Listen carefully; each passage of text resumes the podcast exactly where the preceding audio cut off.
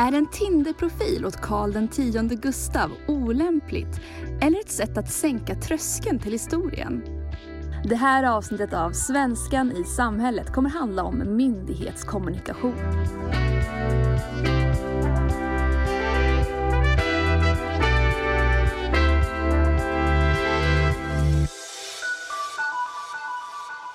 Sociala medier har inneburit en ny arena för all typ av kommunikation de senaste åren.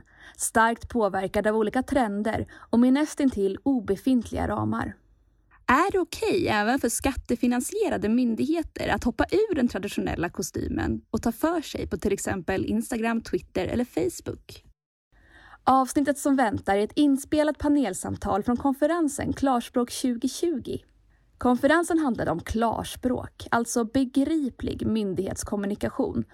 Och med i samtalet var tre myndighetsföreträdare som alla har koll på det här med humoristisk myndighetskommunikation. Dessa personer hade alla tre gjort presentationer på temat tidigare under konferensen.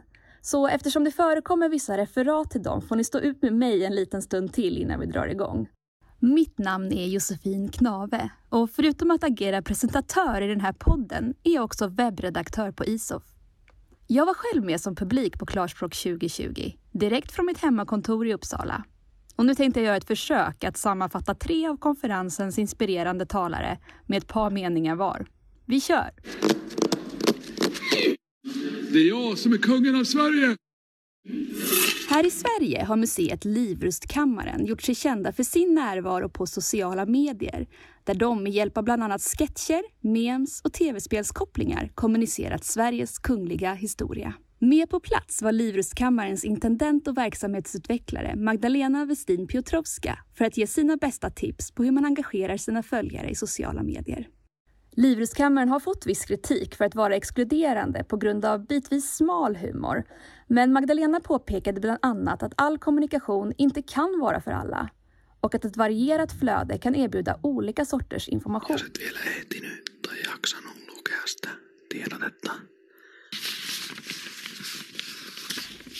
Med oss från Finland var Katti Kalliomäki som är kommunikationschef på skatteförvaltningen i Finland skatteförvaltningen de sysslar väl bara med pappersarbete kan man tänka.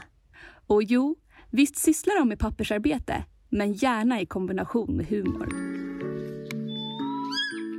Katti och hennes kollegor har gjort myndighetens Instagramkonto till en viral succé med karaktärer som Skatteviskaren, Epic Tax Guy och gulliga hundvalpar som följetong för att sprida information om skatteförvaltningens ärenden och uppmuntra människor till att sköta sina skatteärenden digitalt. Även Katti poängterade att humor inte behöver ersätta traditionell kommunikation utan kan fungera som ett nyttigt komplement och att klarspråk och en strategisk inramning är viktig för all typ av kommunikation. Får vi föreställa fru Plotter. Fru Plotter ska just till att baka. Även Maria Pippi Fremer, som är språkvårdare och forskare på Institutet för de inhemska språken i Finland, var med oss på länk. Maria har forskat om just tilltal och ton i myndighetskommunikation. I sin forskning har hon tittat på något som kan ses som föregångaren till sociala medier, nämligen husmorsfilmer och andra informerande filmer från olika perioder under 1900-talet. Maria, eller Pippi som hon också kallas, visade bland annat på hur myndigheter kommunicerat med människor under de senaste hundra åren och hur tilltalet förändrats från att vara tydligt fostrande till att bli du och vi med medborgarna. Själva samtalet modererades av Lena Lind Palitski som universitetslektor i svenska vid Stockholms universitet och som faktiskt också arbetade som språkvårdare på Språkrådet tidigare. Även Lena är väl insatt i ämnet då hon i sin forskning studerat just klarspråk och tilltal i myndighetskommunikation. Okej, är ni med? Då gör vi en tidsresa tillbaka till november 2020 och konferensen Klarspråk 2020 för att lyssna på Magdalena, Katti, Maria och Lena. Välkomna tillbaka. Det var ju oerhört roligt att, att lyssna på er eh, igår. Eh, vi fick det här historiska perspektivet när Pippi pratade om de här reklamfilmerna och husmodersfilmerna som fanns förr. Eh, och Katti pratade om hur ni jobbar eh, med sociala medier nu. Och vi fick ju som du utlovade både katter och roliga killar och ja, allt möjligt. Jag tänkte börja med att fråga er, har ni någon, vill ni reagera på varandra någonting? Eh, någonting som ni tänkte på när ni hörde varandras föredrag? Jag kan säga Katty att jag eh, senast förra veckan hade en presentation eh, just om våra sociala medier. Eh, och då tog jag upp att, för vi får ibland frågan, men kan, man vara, kan man alltid skämta, kan man, liksom, kan man alltid vara rolig och, och så, skämta om allt. Och då sa jag att ja, vi har ju väldigt tacksamma eh, ämnen att skoja om. Det är kanske svårare om man jobbar på Skatteverket. Men uppenbarligen så är det inte det, så nu får jag liksom tänka om. Nej, jag kommer inte kunna ta upp det längre som ett exempel. Jag kommer kunna ta upp er som ett fantastiskt exempel. Ja, så det var jätteroligt att höra och god morgon allihopa. Alltså, jo, det var jätteroligt att höra, men vet du, din presentation var mycket liksom, det var professionellt. Det var just sådana saker som jag försökte säga igår. Jag vet inte om jag lyckades så bra, men ändå liksom att det var mycket, mycket professionellt. Och, och sen, sen liksom, jag skrev faktiskt upp när du sa det där att man behöver inte vara rolig hela tiden och det stämmer, inte är vi roliga hela tiden heller. Och när det gäller skatteärenden, de är ju ganska allvarliga saker. Att du har ju helt rätt med det om du har liksom funderat på att det, det här kanske inte går med, med skatter. Men, men, men på något vis just det där att det du sa om det där att sociala medier, det är fråga om, om liksom, de är ju faktiskt sociala. De, de, de liksom, tycker jag att det är inte alls modigt att vara dialog med, med, sina, med sin publik och sånt, att det bara hör till. Jag tänkte också att det hör till myndigheten också visa liksom öppet vad man gör och, och, och liksom vara genomskinlig på så sättet att, att det, jag fick ju många tankar utav, utav din din presentation Magdalena också. Och liksom, eh, jag, jag är så glad över igår jag fick, eh, jag fick eh, ha mitt föredrag efter Maria eftersom jag började fundera när jag tittade på Marias exemplar och liksom de där filmer, upplysningsvideon och sånt att det var ju häftigt då, liksom typ 50, 60, 50 60, 70-talet att då kunde man säga liksom pang på rö, rödbetan, alltså, rakt ut det man ville och, och liksom kunde man göra det idag att man måste ju på något vis låta folk, just genom den här dialogen, att folk fattar själv och, och liksom är med i det. Att, att, ja, sådana tankar har jag. Det var ju väldigt tydligt tyckte jag i ditt eh, föredrag Pippi att, att det är ju inte helt nytt det här med att myndigheter är roliga utan eh, de har ju varit roliga tidigare, ibland lite ofrivilligt kanske. Vad säger du? Nej, precis. Och det överraskade mig lite när jag märkte att det fanns så pass mycket. Alltså jag har ju inte så jättemånga filmer som jag har sett på överhuvudtaget men, men det är att de försöker med ett sånt här väldigt informellt grepp. Det som saknas här är ju kommunikationen. Att det blir ju inte så att publiken kan reagera Nej. på det de, Det är inte de gör socialt på samma sätt. Nej. Nej. Nej. Men vet du någonting om eh, reaktionerna då? Möttes liksom av någon motstånd? Tyckte man att myndigheten var för informell eller inte seriös? Eller? Tyvärr har jag inte hittat någonting sånt. Det kräver ett ganska omfattande arkivarbete i så fall tror jag. Nej. Men hur är det nu då? Möter ni något motstånd? Om jag tänker Katja och Magdalena, ni som i nutiden, är det lättare att få se. Får ni reaktioner på att ni är liksom för oseriösa eller? Eh, vi får det ibland, mm. ganska sällan ska jag säga. Mm. Eh, men ibland eh, så kan, kommer det någon kommentar, speciellt när vi gör de här väldigt korta inläggen. Kanske inte om att vi är så mycket oseriösa utan mer om att vi inte ger all information direkt. Att, man, att vi liksom inte skriver den här långa texten med alla fakta som eh, folk vill ha. De vill ha eh, mer helt Ja, de vill ha mer. Ja. Mm. Och det, det är jättepositivt. Och vi, som sagt, vi ger alltid ut den informationen i kommentarerna. Mm. Och, och, jag kan förstå, visst, men eh, vår tanke har lite varit att alltså, de som redan är frälsta historienördar, de behöver vi liksom inte nå. De kommer komma till oss ändå och de kan hitta den här informationen via oss eller på andra sätt. Vi vill ju nå dem som inte är historienördar än, men som, eh, som inte vet om att de är det. Just eller det. som inte vet om att de vill bli det. Som vill väcka sin inre historienörd helt ja. enkelt. Ja. Vad säger du Katti, möter ni något motstånd eller några negativa reaktioner? jag skulle svara detsamma, att ganska lite. Mm. Men ändå, det kommer då och då. Ja, det är just, no, till exempel några journalister det, det, är bara få. Men några journalister tycker att, att, liksom att vi borde, eller de, upp, de kanske har uppfattat fel det där att, att vi bara, bara är närvarande i sociala medier och glömmer att, att informera formellt det som borde informeras. Och det stämmer väl inte, men det är just hela, hela grejen och liksom det är jättehärligt med den där dialogen nu för tiden. Att vi behöver inte svara alltid, eller vi hinner inte svara alltid om det är någonting negativt, men våra följare, vår publik börjar liksom svara för oss.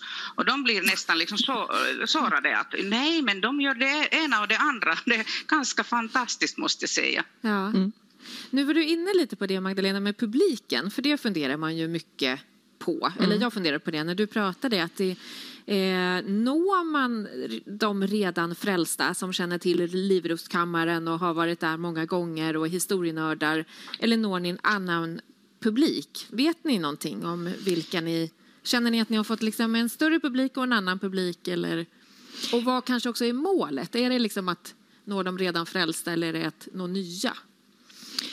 Ja, alltså vi har inte gjort någon undersökning så, eh, när det gäller våra följare i sociala medier så jag kan inte säga si och så är det och, och komma med siffror. Men eh, det, det vi kan se när vi läser kommentarerna eh, det är att det är en blandning. Det är en del som är frälsta och som gillar oss för att de tycker att det är att liksom äntligen någon som, som kommunicerar historia på ett annat sätt än det akademiska och dammiga sättet. Mm.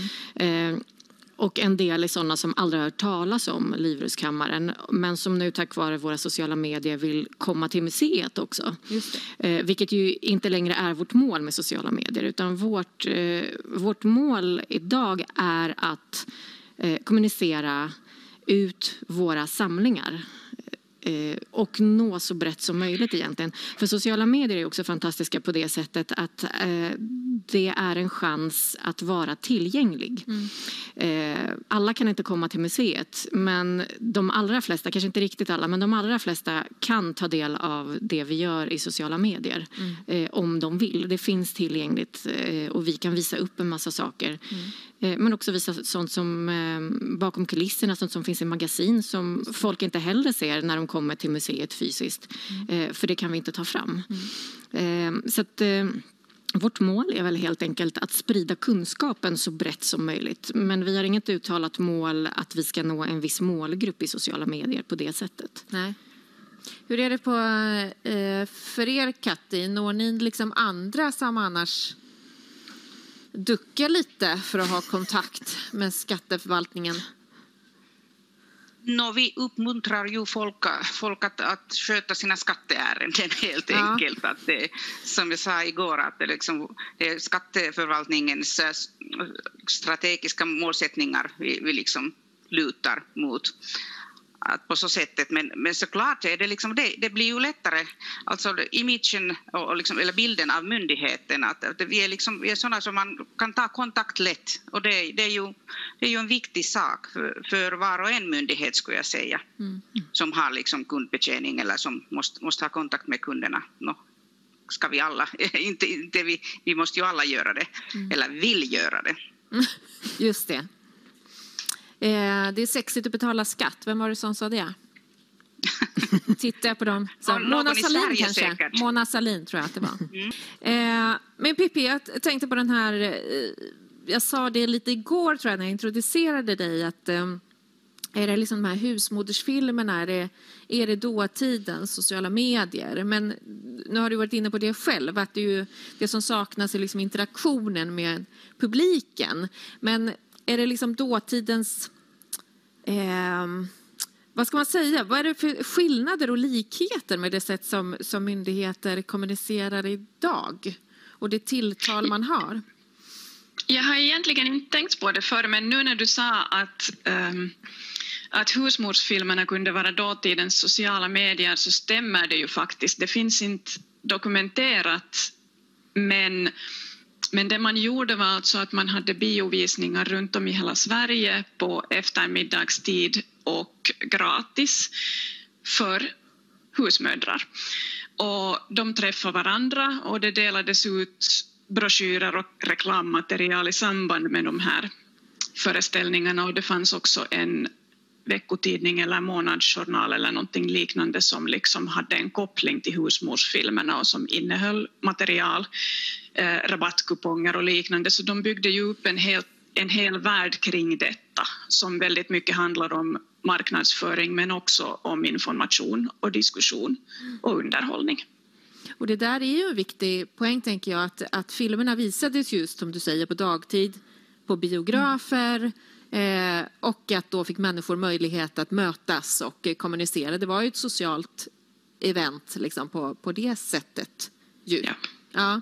Vi har fått en del eh, frågor här under Magdalenas föredrag. Eh, en eh, fråga till exempel vem det är som kläcker idéerna. Och det funderade också, Katja pratade lite om det igår, att ni har liksom kompetent och kreativ och rolig personal anställd själva, att ni inte har en kommunikationsbyrå. Är det samma sak på Livrustkammaren? Är ni Ja. roliga, kompetenta och kreativa? Ja, jag kan Ja. skriva under på den beskrivningen. Ja. eh, nej, men, ja, men så, så är det. Det är ju vi själva som, som gör det. Vi har inga redaktionsråd, vi har inga möten, vi har inga Excel-dokument, vi har ingen publiceringskalender heller. Nej. Vilket eh, alla kommunikatörer som vi brukar träffa och prata inför tycker är jättemärkligt. Eh, för hur gör man då? Men vi eh, tror ju på det här att det kreativa inte riktigt går att liksom pressa in i ett Excel-ark. Då blir det inte lika roligt, lika spontant. Eh, vi gör det här väldigt... Vi sitter... Eh, eh, Jonas, eh, min kollega och jag, vi sitter skrivborden mitt emot varandra på samma rum och Sofia, en annan kollega, sitter i rummet en till. Så att ibland kan vi hojta till så här, har ni något inlägg eh, idag? Nej, men då gör jag ett, för jag har ett. Och så, så, så vi gör det väldigt, väldigt spontant. Vi försöker se till att någonting publiceras varje dag. Men, eh, ja, men det, och det är inte alltid vi är roliga heller för att ibland så är det idétorka. för det är liksom upp till oss. Vi har inga sådana här råd där vi sitter och bollar idéer. Nej. Utan det väldigt mycket i stunden. Jag tänker att det är väldigt eh, befriande för det är väldigt icke-myndighetsmässigt ju på ett sätt. Att jobba på myndighet innebär ju väldigt mycket dokumentation och tröga processer och jag vet inte hur alla ni publiken känner det som jobbar på myndigheter. Men eh, så kan man ju uppleva det. Och det här är på något sätt motsatsen. Det behöver inte tryckas in i de här myndighetsformaten på något sätt. Det är ju väldigt befriande föreställer jag mig. Ja, absolut. Och vi kan inte tänka oss att jobba på något annat sätt. Nu börjar vi dock komma upp i den mängden så att säga följare och så vidare. Det tar så mycket tid att vi, eh, och vi är också fler som uppdaterar nu så att vi Eh, kanske måste börja strukturera upp det lite sinsemellan. Men fortfarande så har vi, vi har fria händer när det gäller vår kommunikationsenhet. Vi liksom skickar aldrig någonting eh, för godkännande till kommunikationsenheten.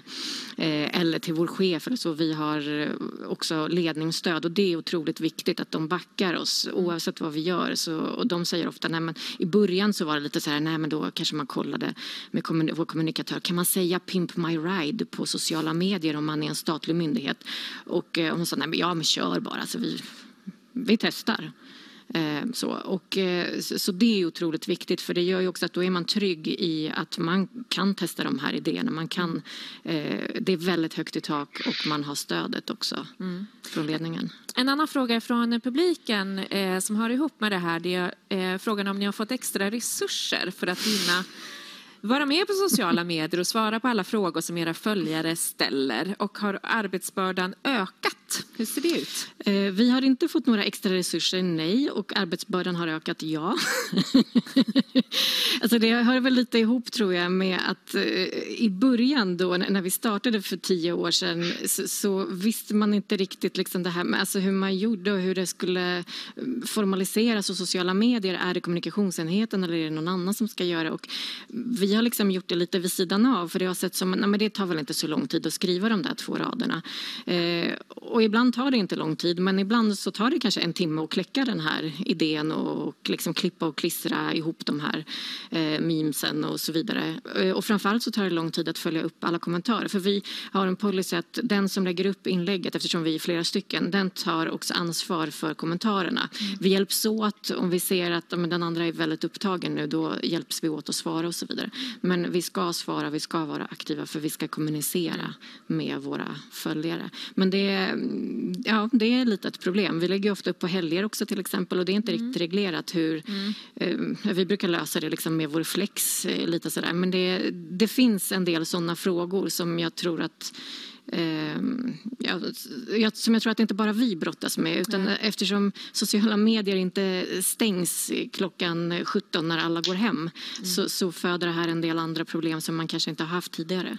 Mm. Precis. Får jag kommentera? Mm, absolut. Ja. Jo, jo, alltså om det här, det är ju fråga om ton här nu. Och, och det, det, är just precis som Magdalena sa, och jag vill bara lägga till att, att, att, att, man måste ju också vara äkta. Och det är just det där problemet med reklambyråerna, de är ju bra, men just det där att man måste låta den man är.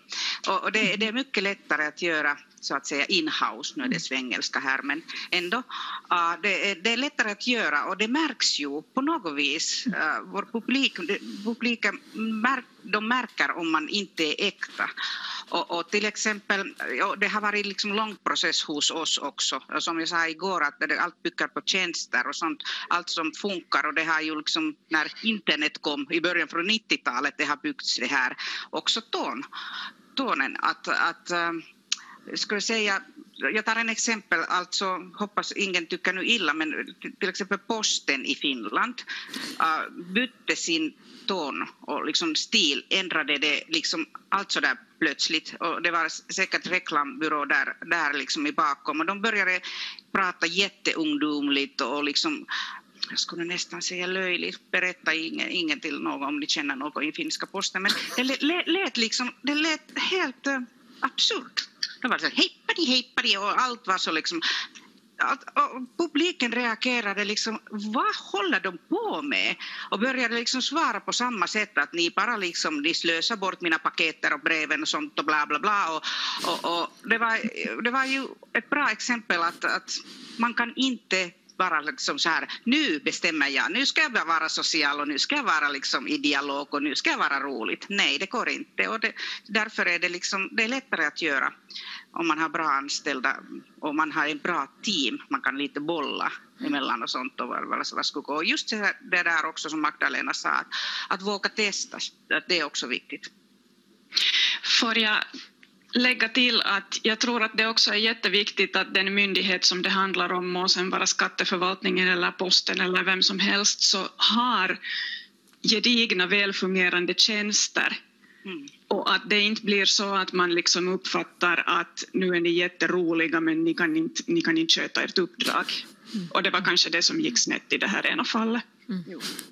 Ja men ja. absolut. Och jag tänker på Eh, det finns ju exempel tillbaka i historien också när man på slutet av 70, början av 80-talet från Försäkringskassan började vara väldigt informell och skrev hej det är från Försäkringskassan som möttes av en hel del kritik för man kanske var liksom sur på Försäkringskassan eller tyckte jag vill inte hej och tjena med dig eh, och så. Så det, det är ju inne på någonting viktigt. Det gäller ju att ha liksom ett finger i luften och ett gehör för den här tonen som man måste använda, tänker jag.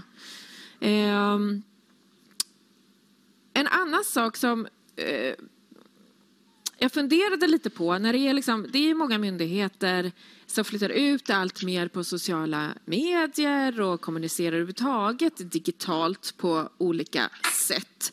Jag lyssnade på en föreläsning häromdagen med Kjell-Lars Berge som är professor i Oslo eh, som pratade om digitala analfabeter.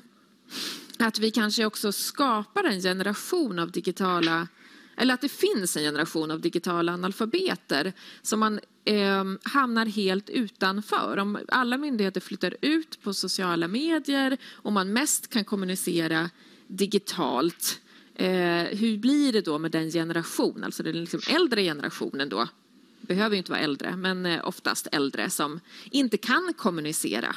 Tappar man liksom dem eller finns det andra traditionella sätt?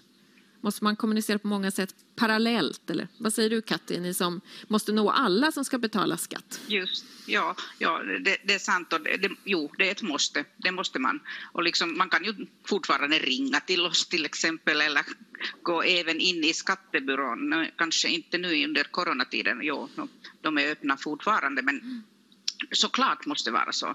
Men, men jo, när du nämnde äldre människor, då och då hör man just det att okej, okay, att vi är ju helt helt utan myndighetsinformation ähm, äh, eftersom vi inte är med på Twitter eller något sånt. Och det, kanske eh, kritiken har, eh, finska polis har, har fått kanske mest kritik av det, att de är också ganska aktiva i sociala medier och sånt. Att, men jo, man måste ju ha parallella och all, alla möjliga kanaler. Mm. Så att jag förstår att det är fråga om resurser också. Sen är det många som säger det att, att, liksom att det är så jobbigt att om man går, om man går till, in i so, eller börjar använda sociala medier då måste man liksom svara och vara i dialog. Men det är hela grejen.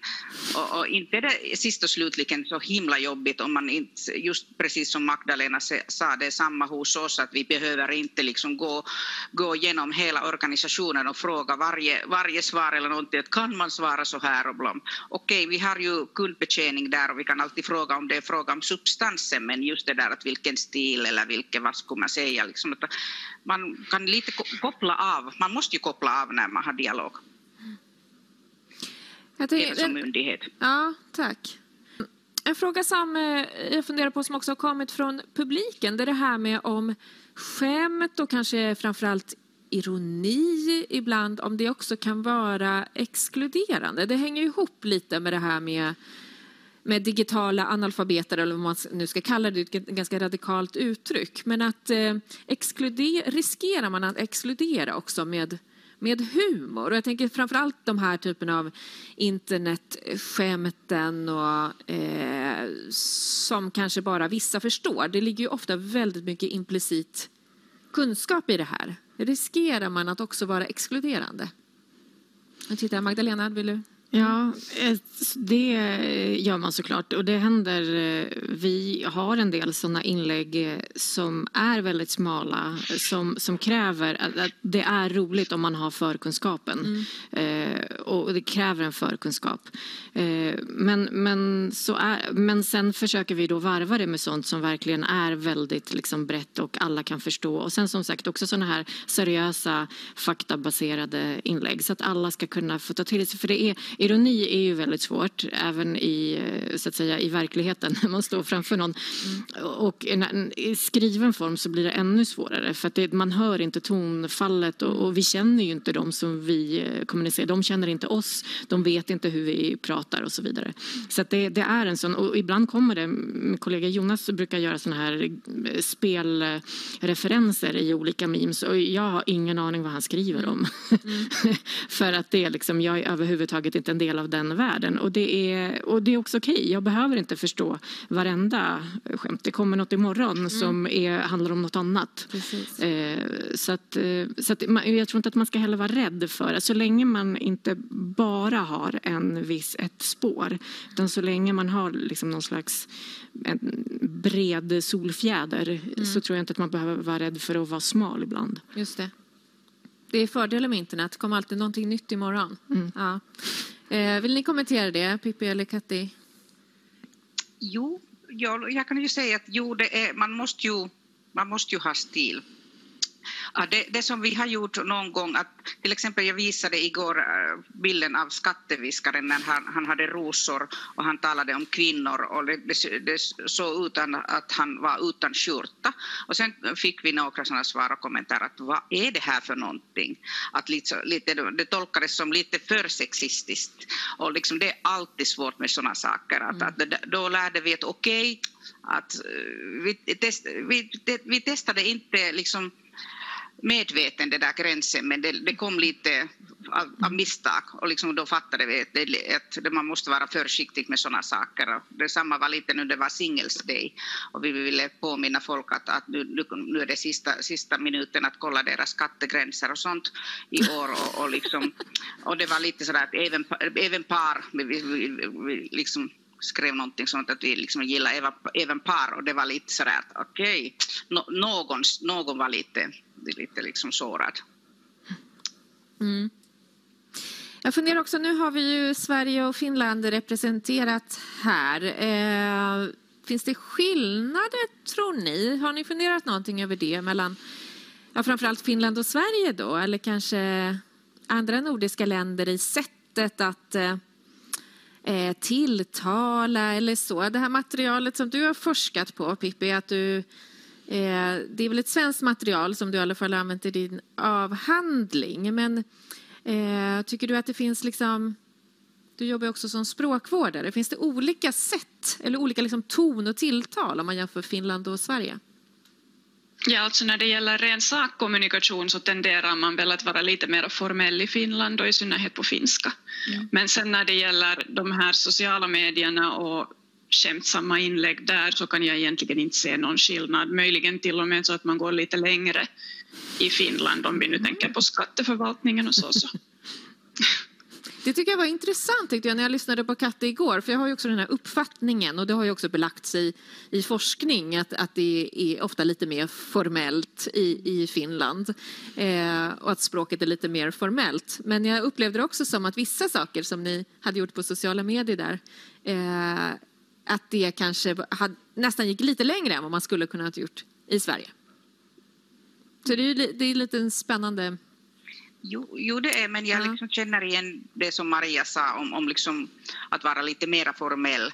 Och, och, och liksom, jag vet inte, du sa att, att, på finska att det skulle vara bättre på svenska, men jag skulle nästan tro att det kunde vara eller min, enligt min uppfattning är det ofta så att liksom, när man översätter texterna till svenska liksom använder man ganska mycket passivform och sånt och det mm. blir ju liksom såna, man tilltalar inte så mycket. Jag, jag, jag faktiskt gillar Sveriges sätt att tilltala till människor och myndigheternas sätt mm. att det är liksom, även jag känner att oj, jag är inblandad fast det inte är. Mm. att bra jobbat Sverige. Vad bra. Jag tror vi säger att det får vara slutordet för det här samtalet. Det var liksom en bra eh, slutpoäng. Men bra jobbat Finland också. Mm. Tack. Tack till er, Katti, Pippi, Magdalena, för att ni har pratade så bra och deltog i samtalet.